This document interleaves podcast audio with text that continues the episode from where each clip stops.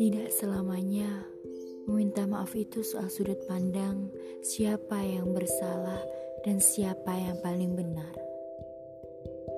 Meminta maaf tidak berarti pula tentang merendahkan diri, menjual moral nilai sebuah kehormatan harga diri, bukan. Meminta maaf adalah soal mengalahkan keangkuhan, mengesampingkan ego, dan melawan kesombongan. Mereka yang jauh dari sifat bijak, berhati keras, dan hidup dalam kebencian tidak akan pernah mampu melakukan hal mulia yang semacam ini.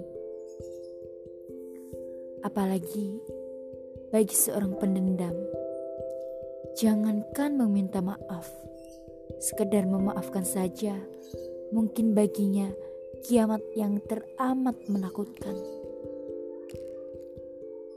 Melawan kesombongan dalam meminta maaf bukanlah hal yang memalukan. Justru itu adalah proses kita menjadi orang yang ikhlas. Orang yang tidak hanya mementingkan ego kita belaka.